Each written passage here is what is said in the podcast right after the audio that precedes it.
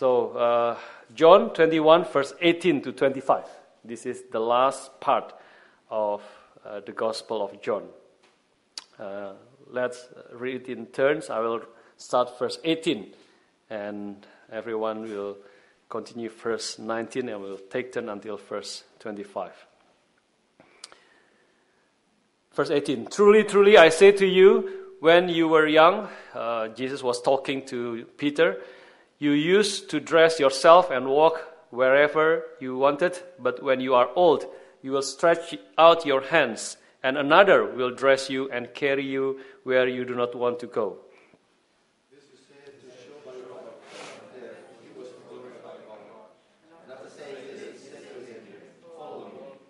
Peter turned and saw the disciple whom Jesus loved following them, the one who was uh, the one who also had leaned back against him during the supper and had said, Lord, who is it that is going to betray you? Him, said Jesus, Lord, Jesus said to him, If it is my will that he remain until I come, what is that to you? You follow me.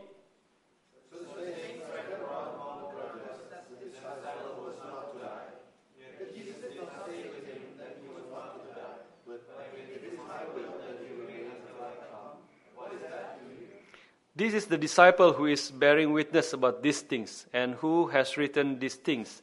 And we know that his testimony is true.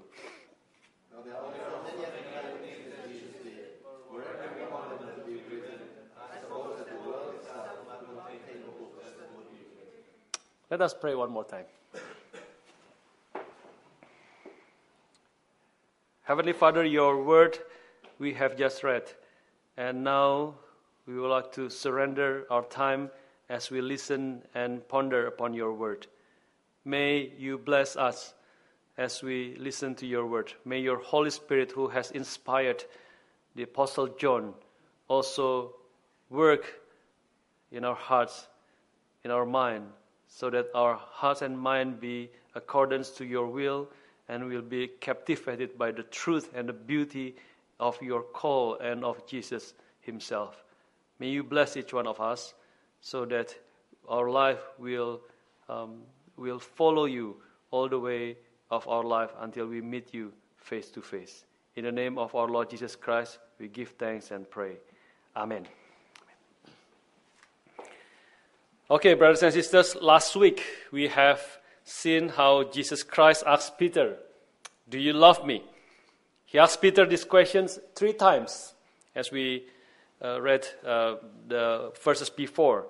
And we have pondered upon this and seen how Jesus did this to restore Peter. For he had denied Jesus three times. So Peter denied Jesus three times, and Jesus asked Peter three times, Do you love me? And three times Peter answered, You know, Lord, that I love you. And also three times Jesus said to Peter, Tend my sheep. So, uh, brothers and sisters, this is an important calling for Peter and also for other disciples. Chapter 21 of the book of John uh, is about the restoration of, the, uh, of their calling and the commission to send these people, his disciple, as fishers of men. Chapter 21 also says that they were fishing when Jesus called them, which emphasizes of the metaphor of calling them as fishers of men. But when Jesus Christ talked to Peter, this time he didn't use the fishing metaphor, metaphor but the shepherd metaphor instead. This is a great responsibility for Peter, a great task for Peter as well as the other disciples. They must become shepherds to tend Christ's sheep. They must tend the uh, uh, sheep from Israel. God was the shepherd of Israel from the very beginning, in the Old Testament especially, but they had become lost they need to be called back. And the disciples must also tend the sheep outside of Israel. This is the commission to the church as well as the future of the church. Jesus said to them, Go and make disciples of all nations. This is similar to the command in uh, the Gospel of John Tend my sheep. This command was given because Jesus said in John 10, verse 16, and I have other sheep that are not of this fold. I must bring them also, and they will listen to my voice. So there will be one flock, one shepherd, as Jesus is the good and the great shepherd.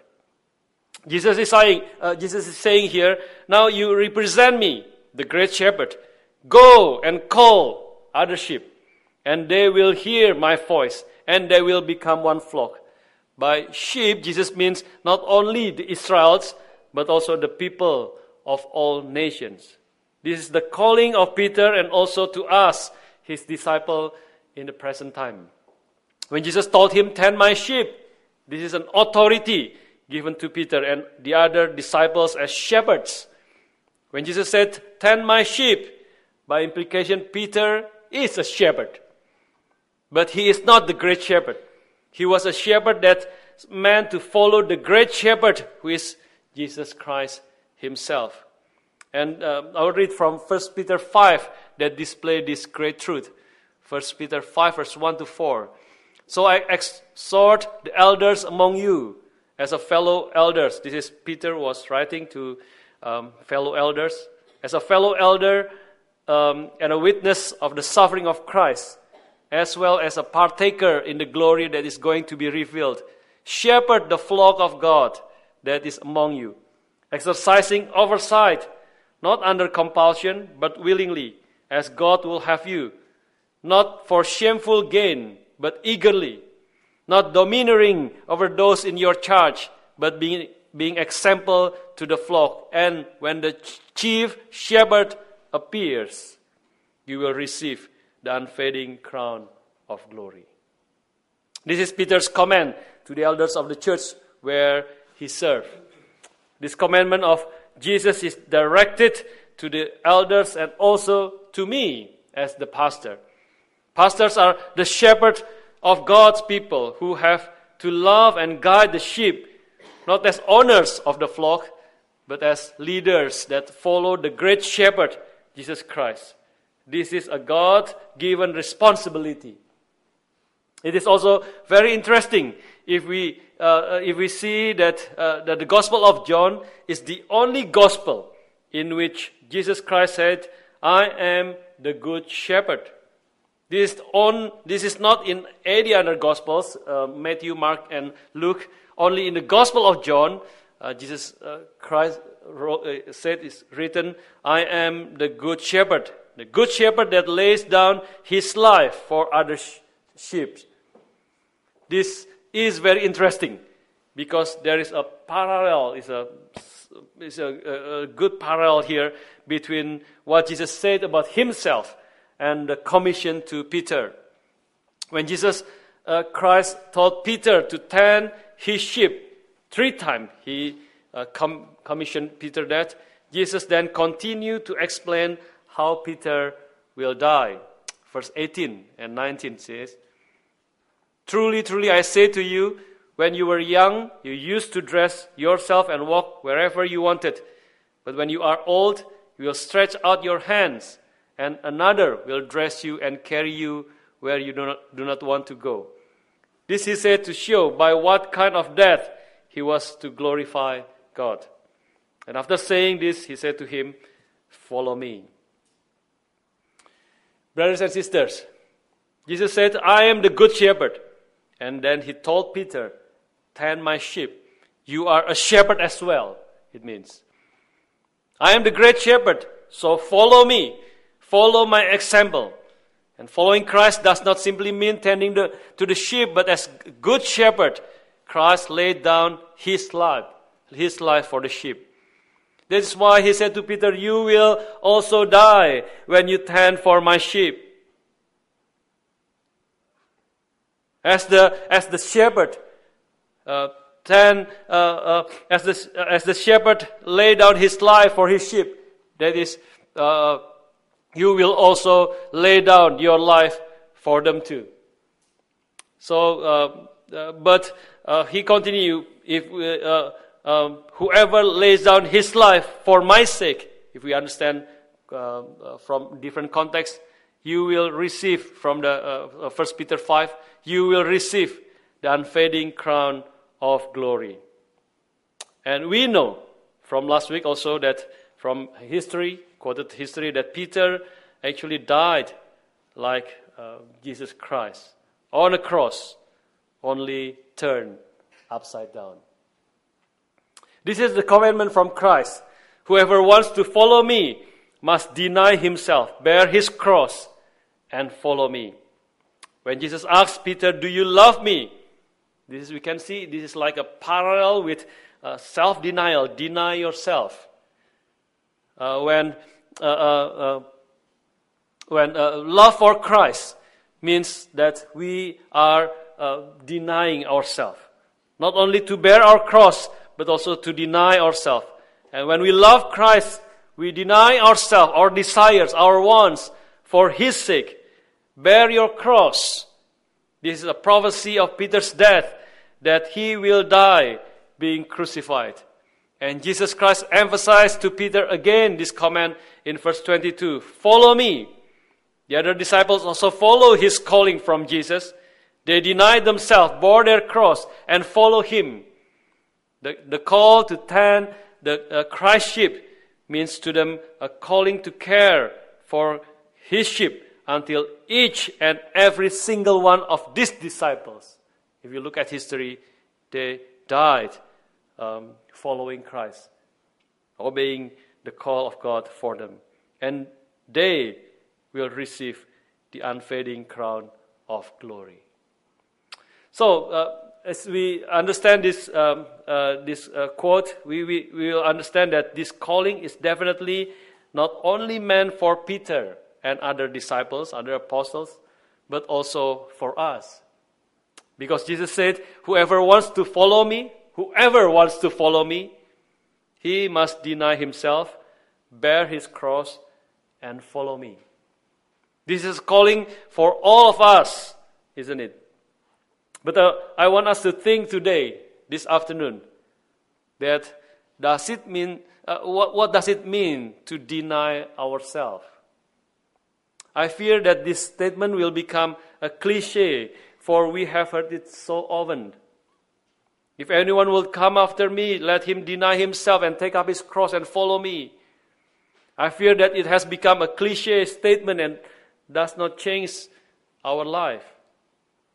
Because we are surrounded with a mentality that is so different from this calling of our Lord. Every day we are exposed to the news of the world, messages that has a very different mentality to the calling of God. We live in a culture that is deeply committed to self-preservation and comfort and that says, save yourself. Everything is about me and my comfort. This is the message that we are bombarded with every single day. Moreover, it is a culture that is infiltrated the church even which guides and builds the church in a self and humanistic centered way. There is an author once who once said, one way you can see whether a church tends only to us, our desires, and all that we want, or focuses on, or the church is uh, focused on God, His will, and His desires, is to read their hymns, is to see uh, what hymns, what songs they sing. Brothers and sisters, look at our hymns.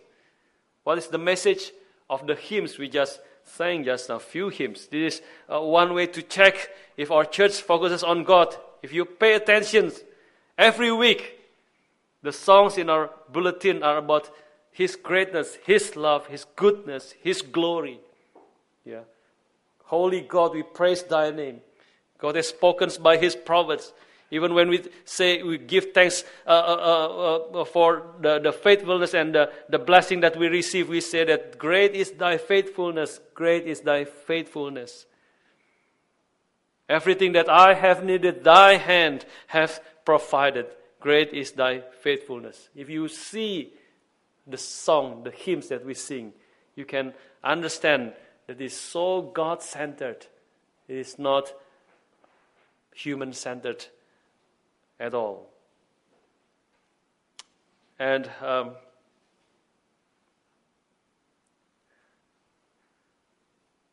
and um, uh, when we look at uh, uh, the Uh, God is the central is the, in the in the in the in the what what we sing as God the last uh, uh, from the first and God uh, and God the last from what we sing just now. This should characterize our lives. However, the way we live, how we work, how we guide our family, the entertainment that we watch, how we study, the places we go, the things we do habitually, many of them are not only focused on ourselves, it is all about me and my comfort. All the industries are based on this. What people long for, what they desire. This is the motor which is driving the industry. This statement that we hear to deny ourselves, to bear the cross, to bear our cross, and to follow Christ if we do not realize how radical this calling is, it will become cliche.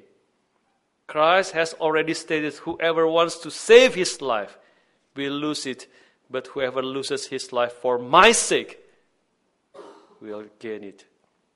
And Jesus said right after that, What good will it be for someone to gain the whole world, yet forfeit their soul? Or what can anyone give in exchange for their soul? This is a rhetorical question, and today, until today, no one has been able to answer it. What good will it be for someone to gain the whole world, yet forfeit their soul? Or what can anyone, what can anyone give in exchange for their soul? But the world encourages us to chase after the world after our desires, our will, our comfort, all that we want. Yesterday in the young adult fellowship, we discussed about uh, Christian hedonism just one time um, yesterday. And the problem is not about, uh, I said the problem is not about our comfort. The problem is not about, uh, about, about our pleasure or joy or happiness or satisfaction itself. Because God created man to long for these things. All that we do point to what will satisfy us and what will give us pleasure. Blaise Pascal said, This is the motivation of everyone in the whole world, even those who hang themselves. This means that even those who hang themselves do so because they want to, to be free from their pain. In other words, they want comfort and uh, good things that they will experience rather than what they are experiencing right now. So the problem is not comfort and satisfaction itself. Even the Heidelberg Catechism asks the first question, the most important question, the question that gives the, the worldview of this uh, catechism. The first question is, what is your only comfort in life and death? It actually talks about comfort. The problem comes when we seek comfort and satisfaction and joy and pleasure outside the will of God, outside the person of God Himself. The answer to question one of Westminster Shorter Catechism says, What is the chief end of man? The chief end, not ends, but the chief end singular, the chief end of man is to glorify God and to enjoy Him forever. It may seem like two different answers, but they are actually the same goal, two sides of the same coin. What is the chief end of man? Which is to glorify God and to enjoy Him forever. When we truly glorify God, then we will experience the greatest joy, joy that God offers to man. For God created man for Himself. Like Augustine says that we will be restless until we find rest in Him and in Him alone. I asked the young adults yesterday when you think about pleasure, what comes to your mind? What comes to your friends' minds when they talk about pleasure? And I this, I'm asking this to you now. What, what, what comes to your mind when, you, when, when, when I say the word pleasure? It's not wrong to look for pleasure. No one wakes up and commits themselves to miserable living, to, to miserable living. Everyone will wake up and do everything in their power to make themselves comfortable, to make themselves um, uh, happy and, and, uh, and satisfied, and so on. Right now, I do not feel comfortable. It's very hot here. If you stay here, it will be hot here. Uh, I want to feel cool, cool down. Uh, that will give me comfort. Yeah. Everyone wants comfort. Um, you want satisfaction. Everyone wants, wants pleasure. But yesterday I asked the young adult when I say the word pleasure, when we talk about pleasure, what comes to your mind? Everyone looks for pleasure and comfort. God created us as pleasure seeking people. But what comes to our mind when we talk about pleasure? One youth said, car. When talk about pleasure, car. A good car, a Ferrari or, or whatever. Or uh, will, when I got the, the, the, car that I dream of, that's, my, that's my, uh, what I want, my desire, it will be then kept safe, clean, and others won't be allowed to touch it.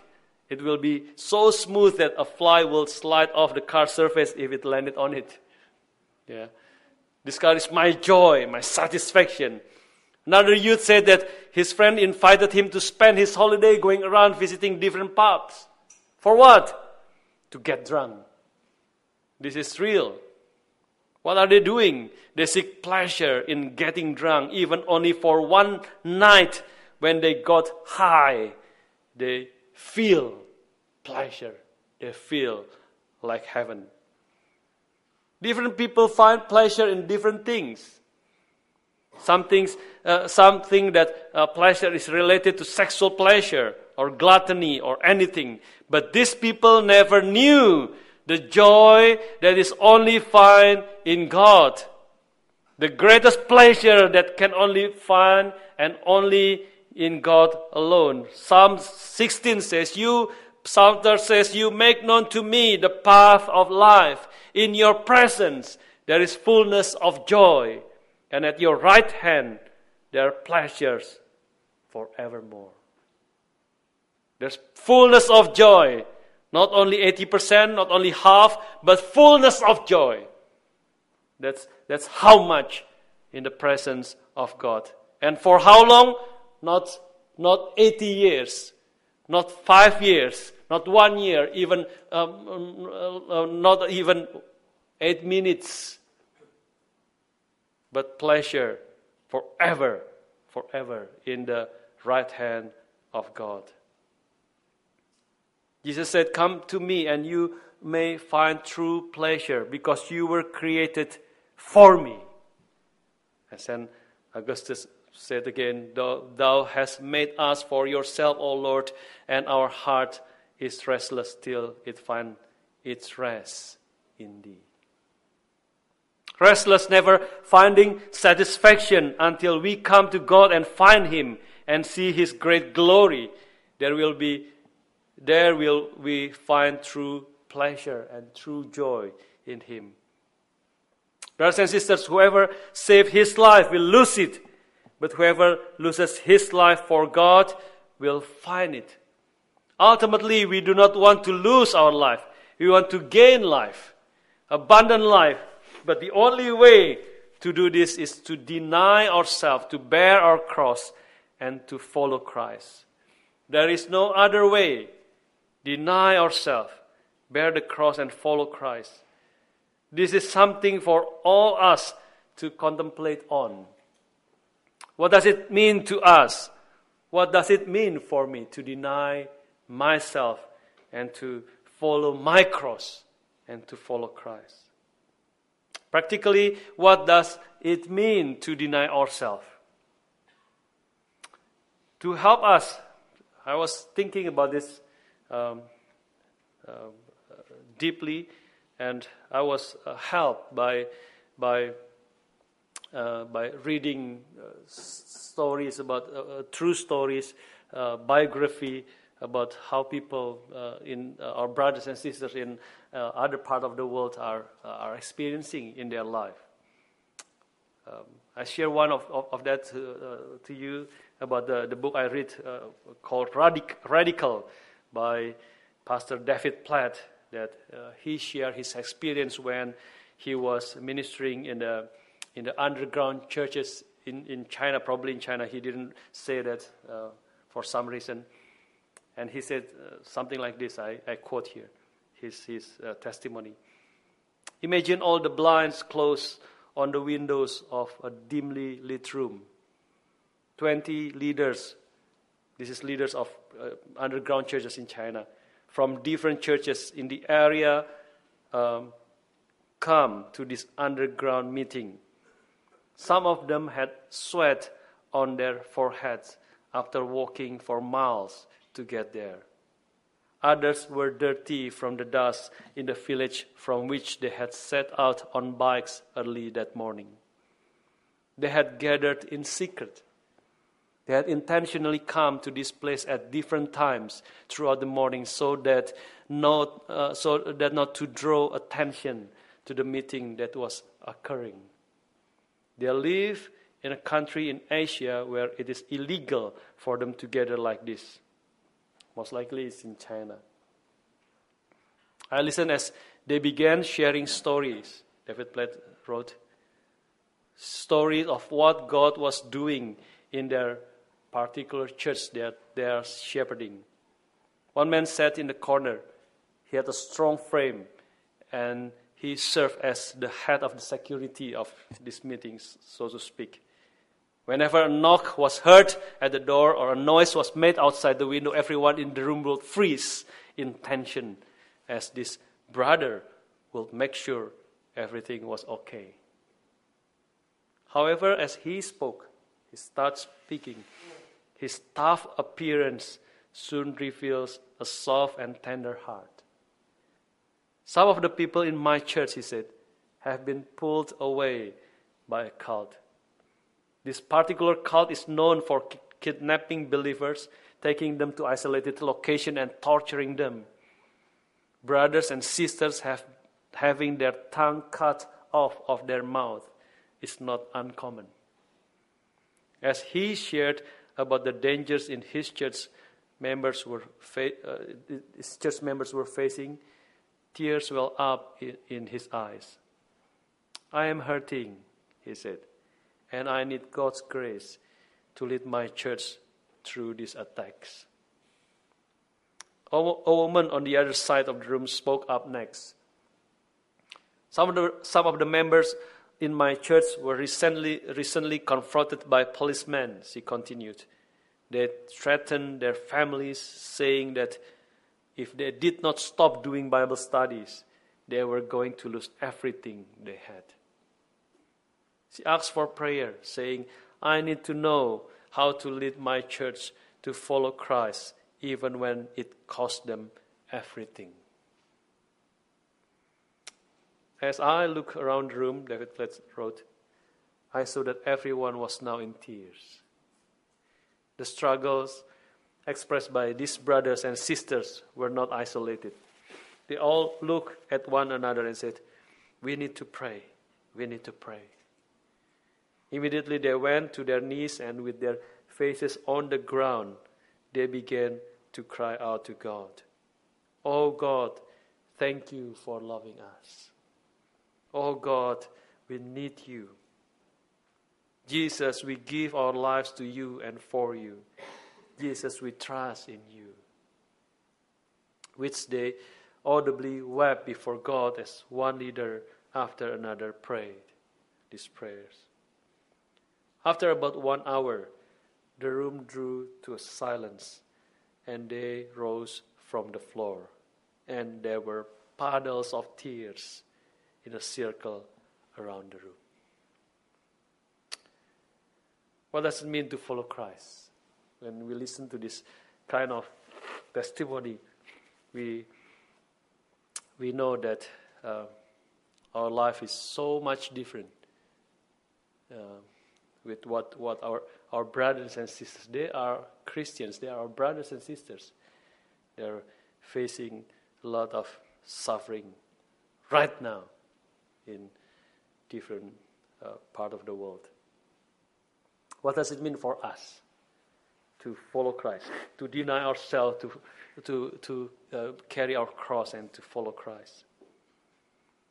I'm asking you, I'm asking myself this question. Can it mean offering 40% of our monthly salary for the building of the church to expand His kingdom? I believe that is one way, yes, that is part of what it means to follow Christ, to deny ourselves. Does it mean tending the growth of the church, teaching and good doctrines, preparing a good sermon as much as you, you can, struggling every time? I think that is part of following Christ. But I feel this is nothing compared to our brothers and sisters who are persecuted for their faith every single day. I think about the many things we must change in our lives. What does it mean to follow Christ, to deny ourselves, and to bear our cross? It can be in the form of fight or laziness that hinders us from uh, evangelizing to, to the lost. It can mean fighting our laziness in praying and in coming to prayer meeting. I feel that striving for these things is a form of self denial. That's truly what we need. Fighting against our desires to sin, our desire to watch pornography. Fighting to avoid such desire, doing everything uh, not uh, to not fall into the temptation to watch pornography. I believe that this too is a form of self denial. Or maybe striving to fight our sinful anger and in controlling the words that come out of our mouth. This too is a form of self denial, I believe. Another form of self denial for some of you may be as simple as waking up earlier. Waking up earlier to arrive at church on time. Yeah. Um, I know some of you uh, always late come to church. Yeah. It can be as simple as waking up earlier to to deny ourselves, but uh, uh, um, of course uh, it can be uh, it's easier said than done, especially for those who uh, of you who have little kids, young kids. Maybe right before you are going to get into the car, your children soiled his pants and you need to clean and change, and you'll become late to come to church.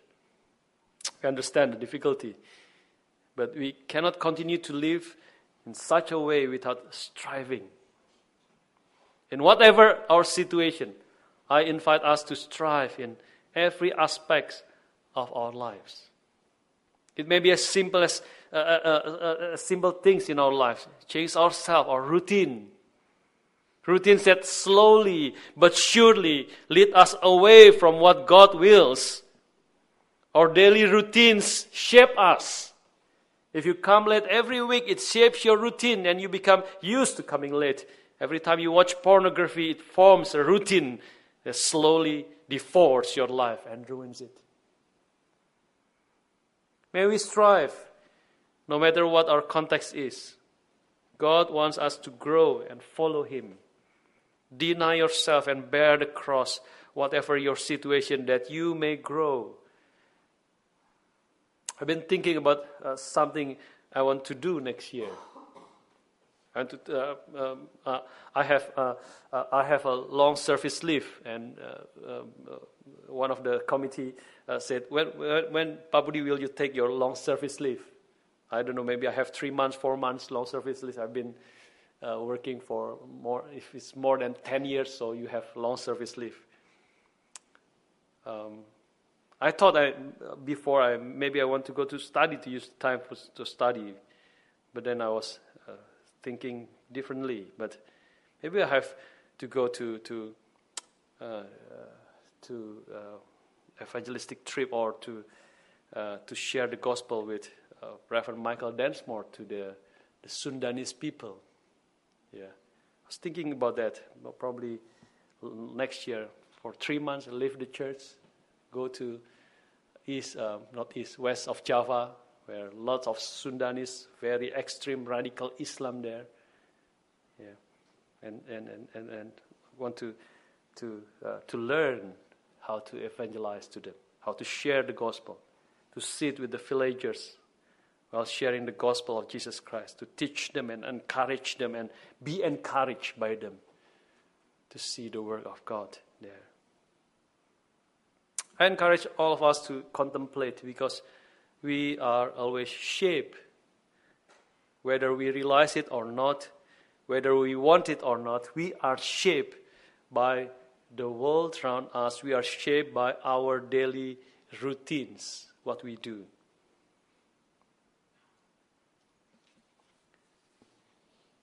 May we strive in every kind of situation. God does not demand us to go beyond our strength and capabilities, but God does demand that something need to change. Our lives need to change. We need to change our habits, form new habits, new habits that reflect the mentality of denying ourselves, of carrying our cross and follow Christ. New habits in our families, in our ministry, in our life, and in how we use our time. There needs to be a fundamental change. I want to deny myself, bear my cross, and follow Christ. Brothers and sisters, we now come to the last point. When we follow Christ and deny ourselves, may our eyes focus not on Christ. Uh, uh, may our eyes focus on Christ and not to ourselves or even to others.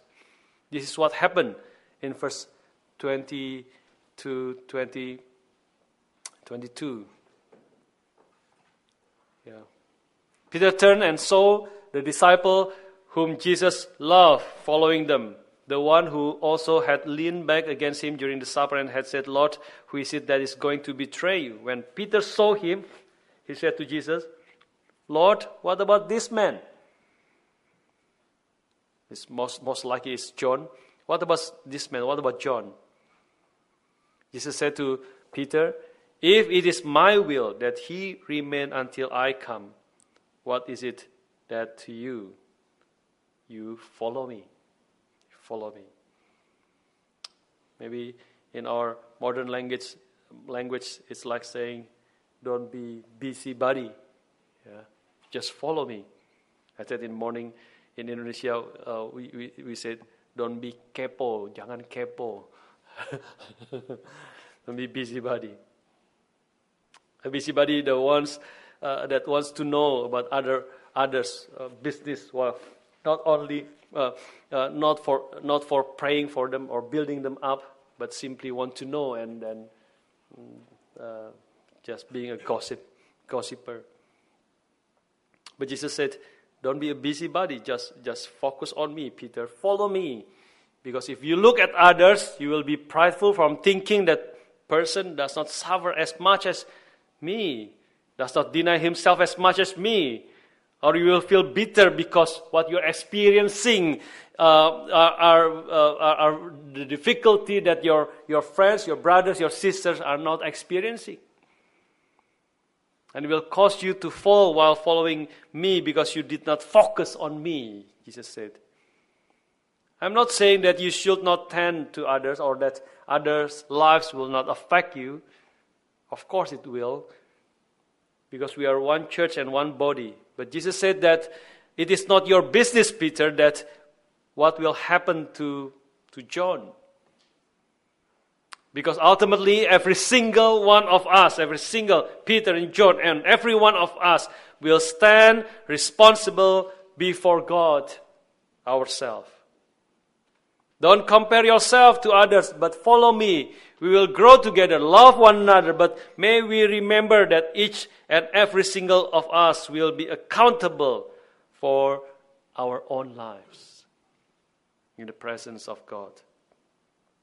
Responsible for the tasks that God has given to us. This has many implications for our life, our practical life.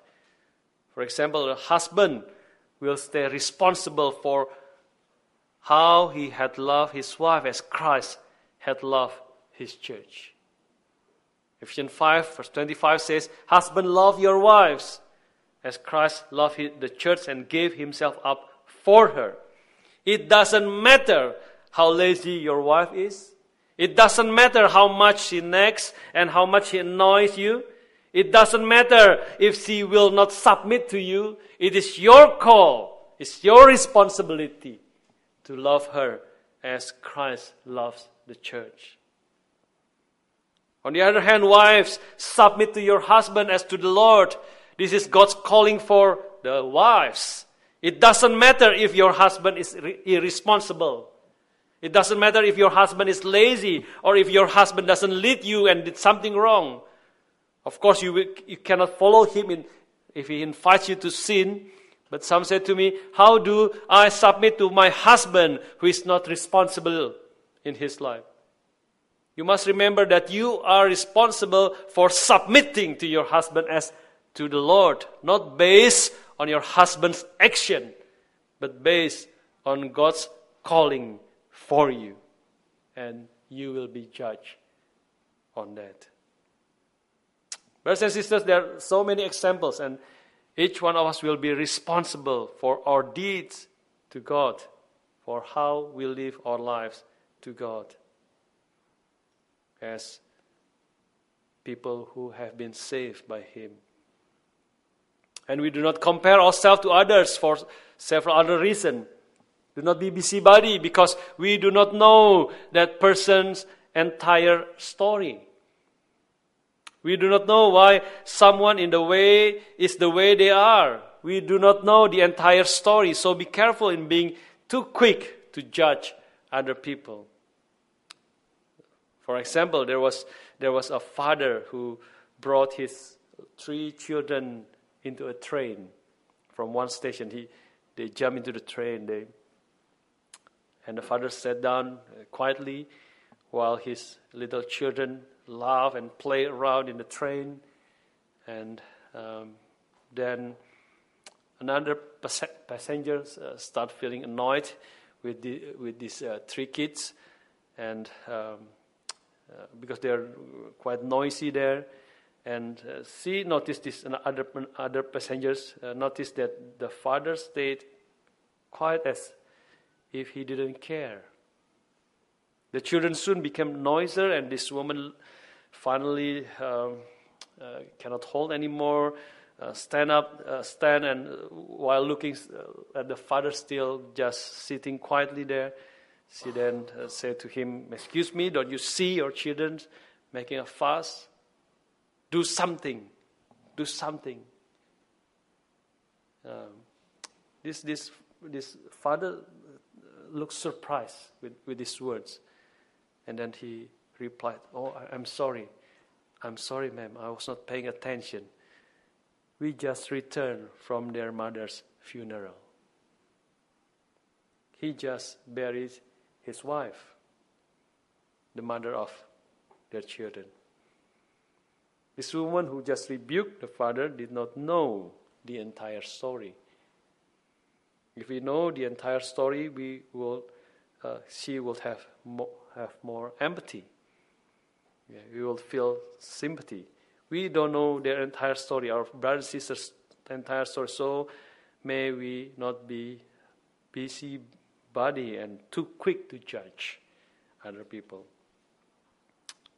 Secondly, the reason why we shouldn't be busybodies to other people this is because God gives different responsibility and different context, uh, different struggle to everyone.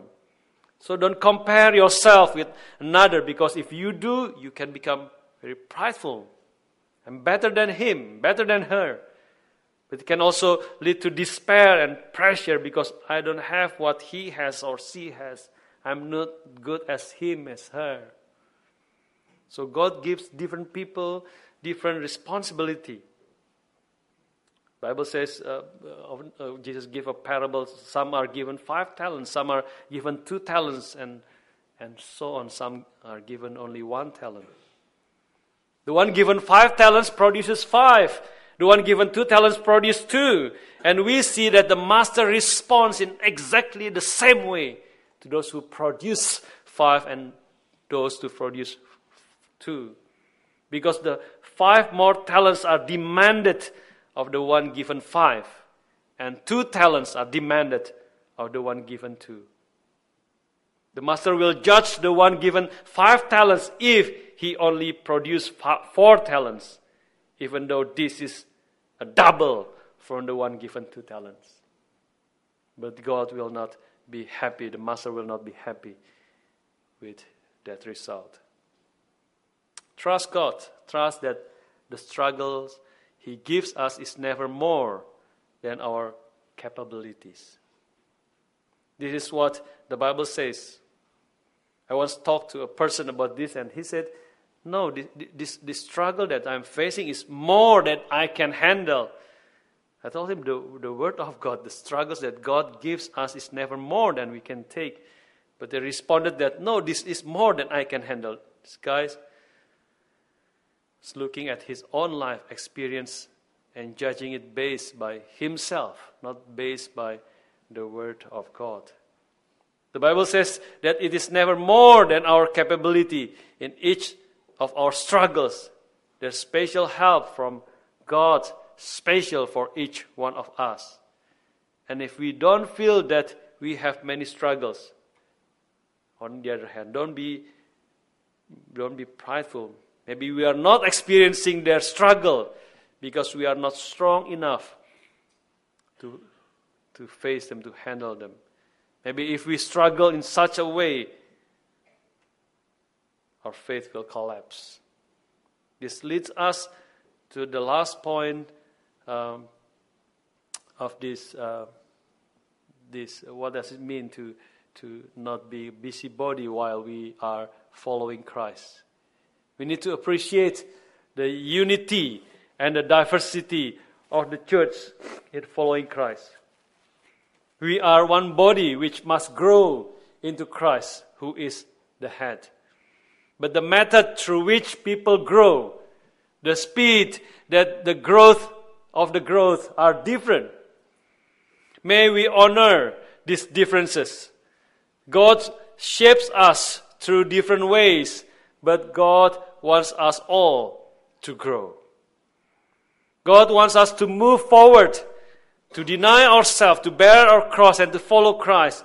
May we, at the conclusion of this gospel, the gospel of John, follow God. May we follow Christ, deny ourselves, and bear our cross the application is different in different contexts of your life. However, what is the same with all of us is that we must all move forward, that we may grow, that when we die and meet with the Lord, we can say, I have finished the good work that you have prepared for me. The calling that you have given me, I have responded well that I may die glorifying you. This is what Jesus said to Peter that he will die and he will glorify God in his death. May we live in such a way so that when we die, we will glorify God for what we have lived. One of the tests to know if our death is a death that glorifies God is to see whether we receive that death as gain. Paul said, To die is gain. For to live is Christ and to die is gain. And the test to know whether our life is a life that glorifies Christ. Paul said he wanted to glorify God, whether in life or in death. And this is shown in his statement to die is gain. This fact is counterintuitive. Isn't death the greatest loss? This is not talking about the person who suffers and terribly in his life and seek escape by dying. That can mean die is gain, living this, this, this sickness, this suffering. No, it, it also talks about, about the successful people who are wealthy, who are famous, who have at the top of his or her life, then they die. Then we die when we, are, uh, when we have everything to lose in this world. Can we say that in whatever situation we are in, if God says this is our time to come back home, we'll be able to say, This is gain. This is gain to me. How do we say that death is gain? It's not death leaving all that we have fought for, all that we have gathered in this life? Isn't that leaving all our possession, all that we love, our families, our friends, and our spouse? Is not that leaving all that we can enjoy in this life? Yes, when we die, we leave all those things. We leave all those things I can find in this world. But Paul says, when I leave all these things, when I die, I gain Christ. And that is gain. Because Christ is more than life to me. Because Christ is my greatest joy. Because Christ is my precious treasure, my greatest satisfaction. When I leave all that the world has to offer, but I gain Christ, that is truly gain. If we can say today that that is gain, that is what God wants us, uh, wants for, our, for us in our lives. To deny ourselves, to bear our cross, and to follow Christ, and always following Christ so that in whatever situation, when we call, when He calls us, we can say that death is gain because we trust for, uh, uh, uh, uh, because we thirst for Him, as the deer pant for water. So my soul thirsts for you. Our hearts wants to glorify Him. Our eyes look to Him, and our aim is to exalt Him. May we deny ourselves May we bear our cross and follow Christ all the way. Keep following Christ all the way until we die. I think that is, that is the, um, the last message of the book of John for us to, to, to follow Christ, meaning that is the end of the the, the preaching of the book of John, but it is just at the beginning of we to, to follow Christ, to deny ourselves in our everyday life, to, to uh, carry our cross every day, and to follow Christ and keep following Christ. As Jesus said to Simon Peter, follow me, meaning keep following me. Continue to follow me. Peter followed Jesus before, but he failed to follow him. But Jesus restored him, called him back, and Jesus said, Come, follow me. Deny yourself. Carry your cross every day and keep following me. Let our life be like that. Follow Christ because he has died for us, because he has loved us first, so that we will love him, we'll follow him all the way of our lives until we meet Him face to face. Let us pray.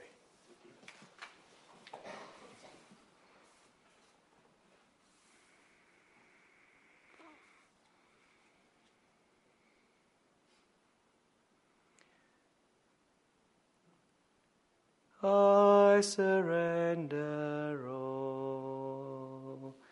I surrender all All to thee, my blessed Savior, I surrender all. Let us all stand together. I surrender all. Surrender all. All to thee, my blessed Savior, I surrender all. Heavenly Father, give thanks for your word. Give thanks for all your guidance throughout all the years that we have been uh, listening to your word, especially from the book of John. Give thanks for all the blessings, all the precious word that has been given to us for us to, to be built in your truth, for us to know you more, for us to understand how you have loved us, and also uh, to be encouraged, uh, to be rebuked, to be corrected, so that our lives will follow you in whatever we do, to deny ourselves and to carry our cross and to follow you wherever you lead us. May you bless each one of us as we uh, continue to grow and to know you more. May you fill our hearts with your love and grow in that love and understand how deep, how long, how far, how high your love is for us. May you guide and bless each one of us, O Lord. In the name of our Lord Jesus Christ, we give thanks and we pray. Amen.